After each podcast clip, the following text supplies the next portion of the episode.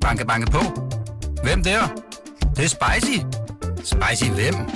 Spicy Chicken McNuggets, der er tilbage på menuen hos McDonald's. Badum, bom, tji.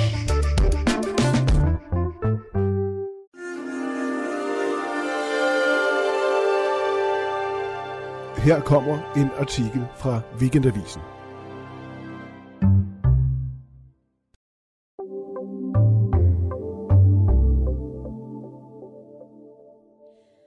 Folk er lykkeligere på landet end i byen. Det tyder al forskning på, men alligevel ser det ikke ud til, at storbymennesker bliver lykkeligere af at flytte derud. Det paradoks har jeg forsøgt at forstå i artiklen her. Øh, jeg hedder Cecilie Kronvald, og artiklen har jeg kaldt Lykkeligere på landet. To dage efter, at Nils Brandby flyttede til Samsø, var han til sit første møde i den lokale sportsklub. Her mødtes 25 mænd hver uge for at dyrke en ny sportsgren, petang, lærdueskydning, volley, drikke øl og komme hinanden ved. Snart kendte Nils de fleste af øens beboere under 40, og efter ni måneder købte den 29-årige eks-københavner sit eget hus på øen, en nyrenoveret smedje fra 1877, en kilometer fra vandet. Det havde været en spontan beslutning, da han søgte jobbet i Samsø Kommune, men han havde altid drømt om at bo på en ø. Jeg var sikker på, det var lige det, jeg skulle. Det var ret fantastisk, siger han. På Samsø levede Niels Brandby det liv, som mange travle storbyboere fantaserer om. Et liv med masser af natur, ro og mening. Et liv med et stærkt lokalt fællesskab, hvor alle kender og hjælper hinanden, og et liv, hvor man kan købe et hus nær vandet uden millioner på kontoen. Videnskabelige studier ser ud til at bekræfte glansbilledet. Mennesker på landet er mindre stressede. De er mere tilfredse med deres familieliv og hverdag, de oplever en højere grad af mening med livet og er i det hele taget lykkeligere end dem, der bor i byerne. I rapporten Livskvalitet på landet, som blev udgivet af Realdania i sidste uge, præsenterer forskere deres opløftende konklusioner om landlivet side om side med kunstnere, der besynger naturens rytme og det landlige sammenhold. Drømmen om at stå af storbyens ræs og leve et langsommere liv på landet har til synlædende nået en sådan styrke, at den socialdemokratiske minister Kåre Dybvad Bæk har udpeget den som en mulig trussel mod velfærdsstaten. Men måske behøver Dybvad Bæk ikke være nervøs. For trods landlivets mange velsignelser, ser det ikke ud til, at folk, der flytter på landet, bliver mere tilfredse med livet. Heller ikke Niels Brandby fandt sin endelige lykke midt i Kattegat. Sidste år satte han huset på Samsø til salg, fortæller han på en Zoom-forbindelse fra Rådhuset i Tranebjerg, hvor han arbejder lidt endnu. Huset er stadig til salg, men alligevel flyttede han i juli måned tilbage til København. Der var bare et eller andet i mig, som ikke skulle være her, siger Niels Brandby. I det meste af det 20. århundrede var livet på landet forbundet med hårdt slid. Landsbyen var et sted, man flygtede fra. Det var i byen, folk søgte og fandt lykken. Men selvom urbaniseringen stadig trækker i os, så er bøtten til syneladende vendt. Selvom det er i storbyerne, at man tjener flest penge, er sundest og længst uddannet, så er det i dag på landet, at flest oplever høj livskvalitet. Et fænomen forskere kalder landområdernes lykkeparadoks. Det er en lille forskel, men den er stabil. Folk på landet er lykkeligere end folk i byerne, siger Henrik Lolle, som er lektor i samfundsvidenskab ved Aalborg Universitet. I en videnskabelig artikel, som udkom tidligere i år, undersøger Henrik Lolle den landlige lykke. En del af forklaringen skal findes i den geografiske logik, konstaterer han. I Danmark er der aldrig langt fra udkant til centrum, og digital teknologi giver mange mulighed for selv at bestemme, hvor de vil udføre deres arbejde. Samtidig har vi en veludbygget velfærdsstat, som i stigende grad omfordeler velstand fra by til land. Man kan sige, at landområderne låner de positive effekter, som de store byer giver, siger Henrik Lolle. På landet kan man med andre ord få det bedste fra begge verdener. Man kan nyde godt af den økonomiske vækst, der udspringer af byerne, og samtidig udnytte landlivets mange fordele. En del af landboernes lykkeforspring kan forklares med demografi.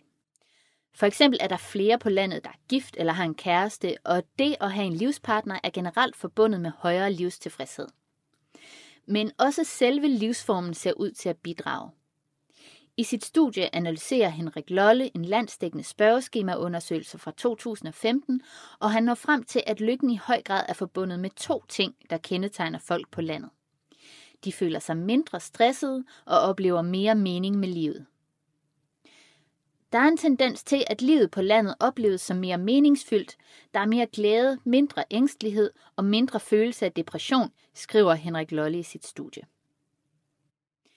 Studiet viser også, at beboere i landkommuner er mere tilfredse med deres familieliv, deres sociale relationer, deres job, deres pendletid, deres mængde af fritid, deres hverdagsliv og deres boligsituation.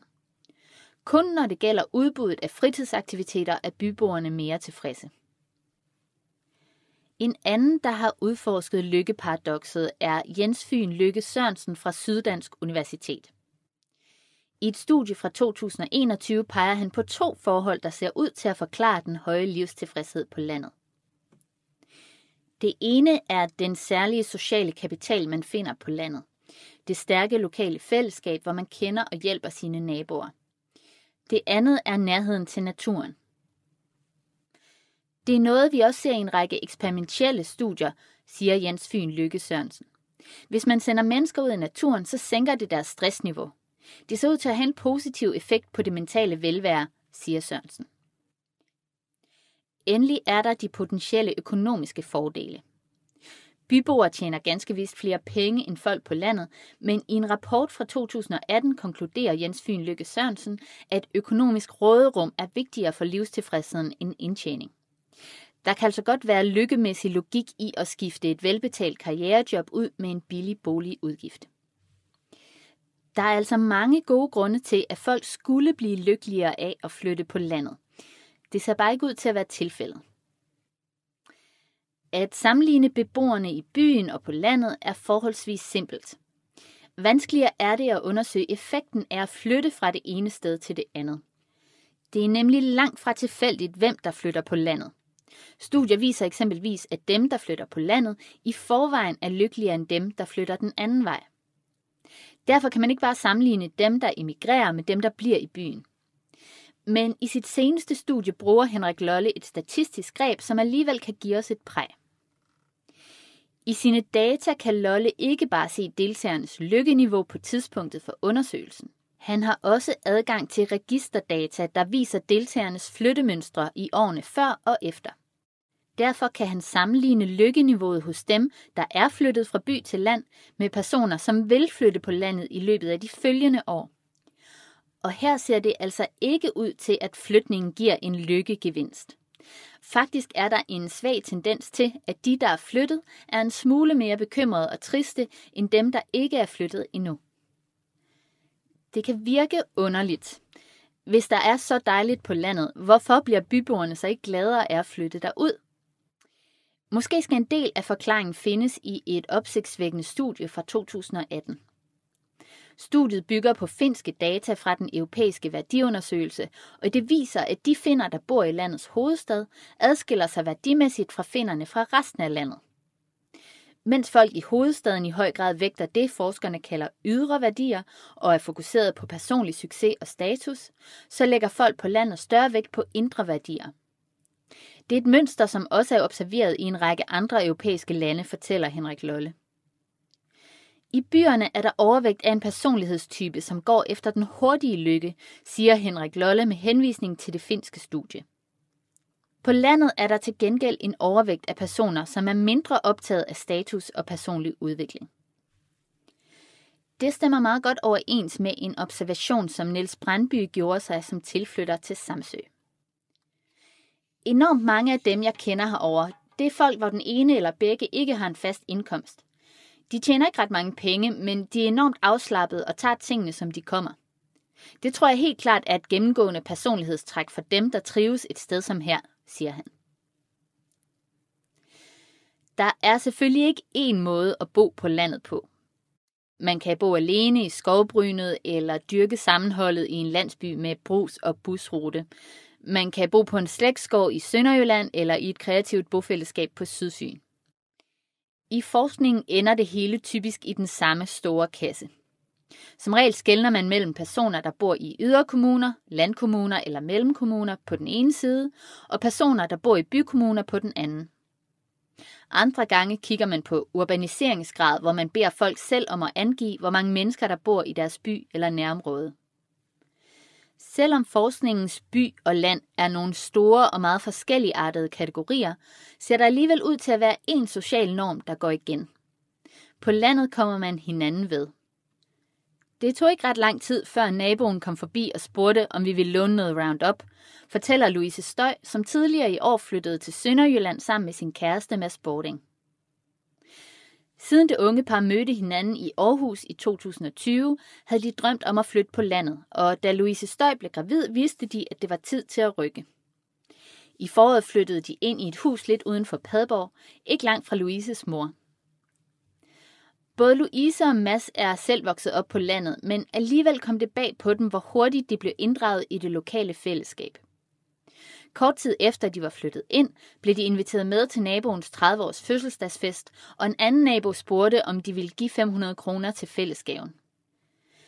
Jeg kan huske, at jeg snakkede med min mor, og jeg spurgte, forventer de så også, at vi inviterer alle naboerne, når vi bliver 30 næste år? Og så sagde hun, ja, det gør man. Det hører sig til, forklarer Louise Støj. Da Louise i sommer kom hjem fra hospitalet med deres nyfødte datter, stod der pludselig en stork i træ uden for huset.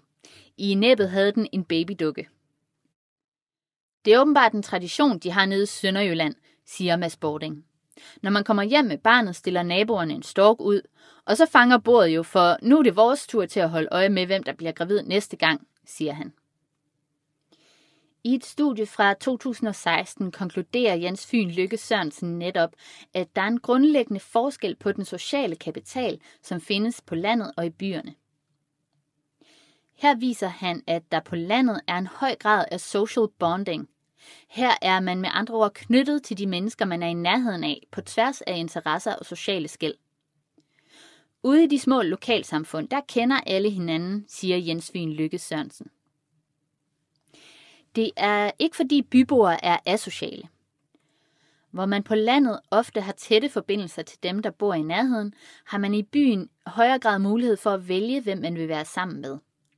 Og faktisk viser en undersøgelse foretaget af analysefirmaet Mos Bjerre for Weekendavisen, at danskere, der bor i byen, ser deres venner væsentligt oftere end dem på landet. I København ser 65 procent deres venner mindst en gang om ugen. På landet gælder det kun 35 procent.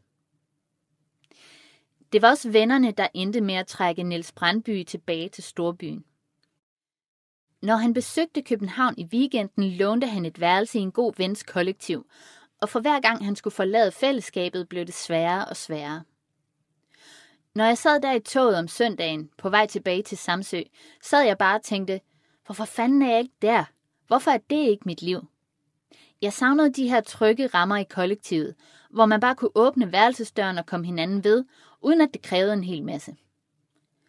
Og så, en eftermiddag i oktober sidste år, fik Niels Brandby en slags åbenbaring, mens han stod og hjalp til med at pille hoppeborg ned i den lokale idrætsforening.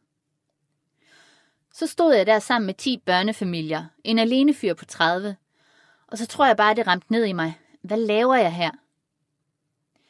Jeg havde nok tænkt, at øen kunne give mig alt, hvad jeg havde brug for, men jeg tror simpelthen, det krævede for meget af mig. For eksempel er det udfordrende at have et datingliv, hvis man bor på en ø i Kattegat.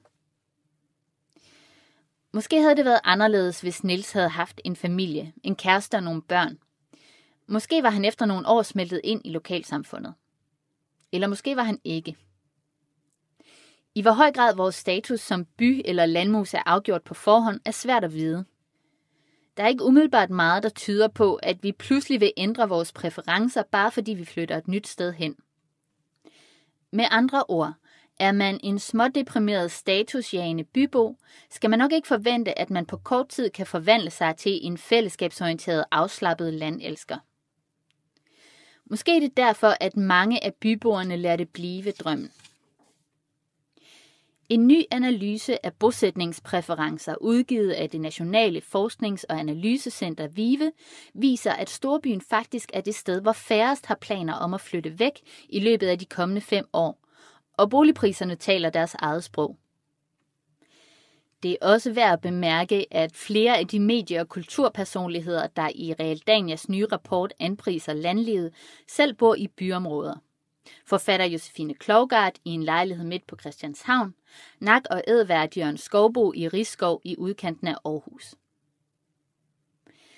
Selvom det ikke er nemt at pendle mellem kollektivet på Nørrebro og arbejdet på Samsø, er Niels Brandby glad for at være flyttet tilbage til København. Han understreger, at han på mange måder var glad for ølivet. Jeg har virkelig fået nogle helt fantastiske venner her, og jeg er virkelig kommet ud af min boble af gymnasievenner. Men det er sjovt, at man både kan have en følelse af at være så velmodtaget, og samtidig kan føle sig ret ensom til tider. Det er nok det, man kalder økuller.